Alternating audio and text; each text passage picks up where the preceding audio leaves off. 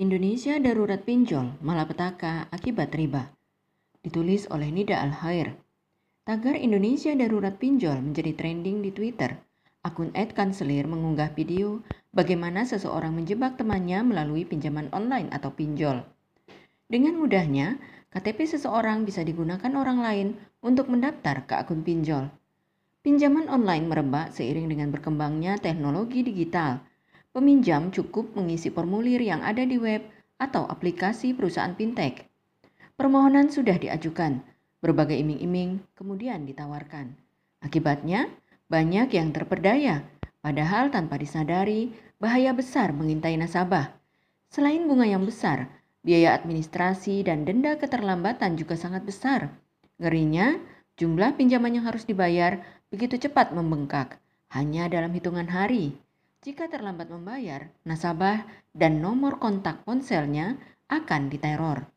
Masyarakat yang terjerat pinjol bukan semata disebabkan faktor individu, tetapi juga kondisi perekonomian Indonesia yang kian terpuruk. Apalagi sejak pandemi melanda, negeri ini terperosok dalam jurang resesi. Harga berbagai barang kebutuhan terkerek naik. Sebaliknya, pekerjaan makin sulit dan terjadi PHK besar-besaran. Namun bukannya membantu rakyat dari jerat kemiskinan, pemerintah justru menambah beban rakyat dengan berbagai pajak. Terbaru, pemerintah akan menetapkan pajak terhadap sembako, sekolah, dan persalinan. Rakyat ibarat sudah jatuh tertimpa tangga pula. Mirisnya, pemerintah telah melegalkan praktek rentenir alias rintah darat dengan alasan investasi di bidang keuangan.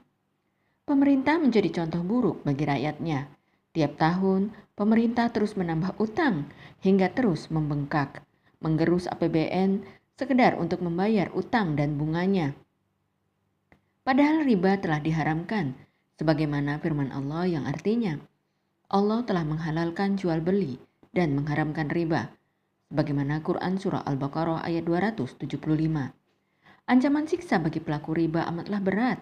Allah Subhanahu wa taala berjanji akan memasukkan pelaku riba ke dalam neraka sebagaimana Allah Subhanahu wa taala berfirman dalam Quran surah Al-Baqarah ayat 275.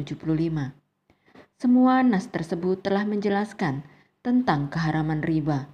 Sikap seorang mukmin adalah menjauhi riba dan segera meninggalkan riba jika terlanjur terlibat.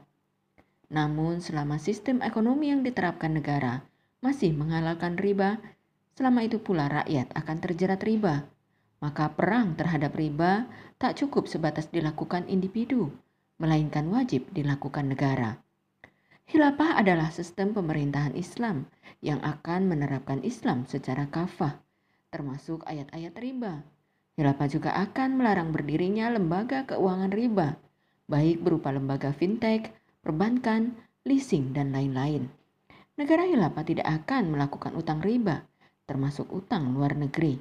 Demikianlah sistem Islam mewujudkan masyarakat tanpa riba, sehingga kehidupan menjadi berkah karena diliputi ridho Allah. Inilah indahnya hidup di bawah sistem Islam, hilafah. Wallahu alam.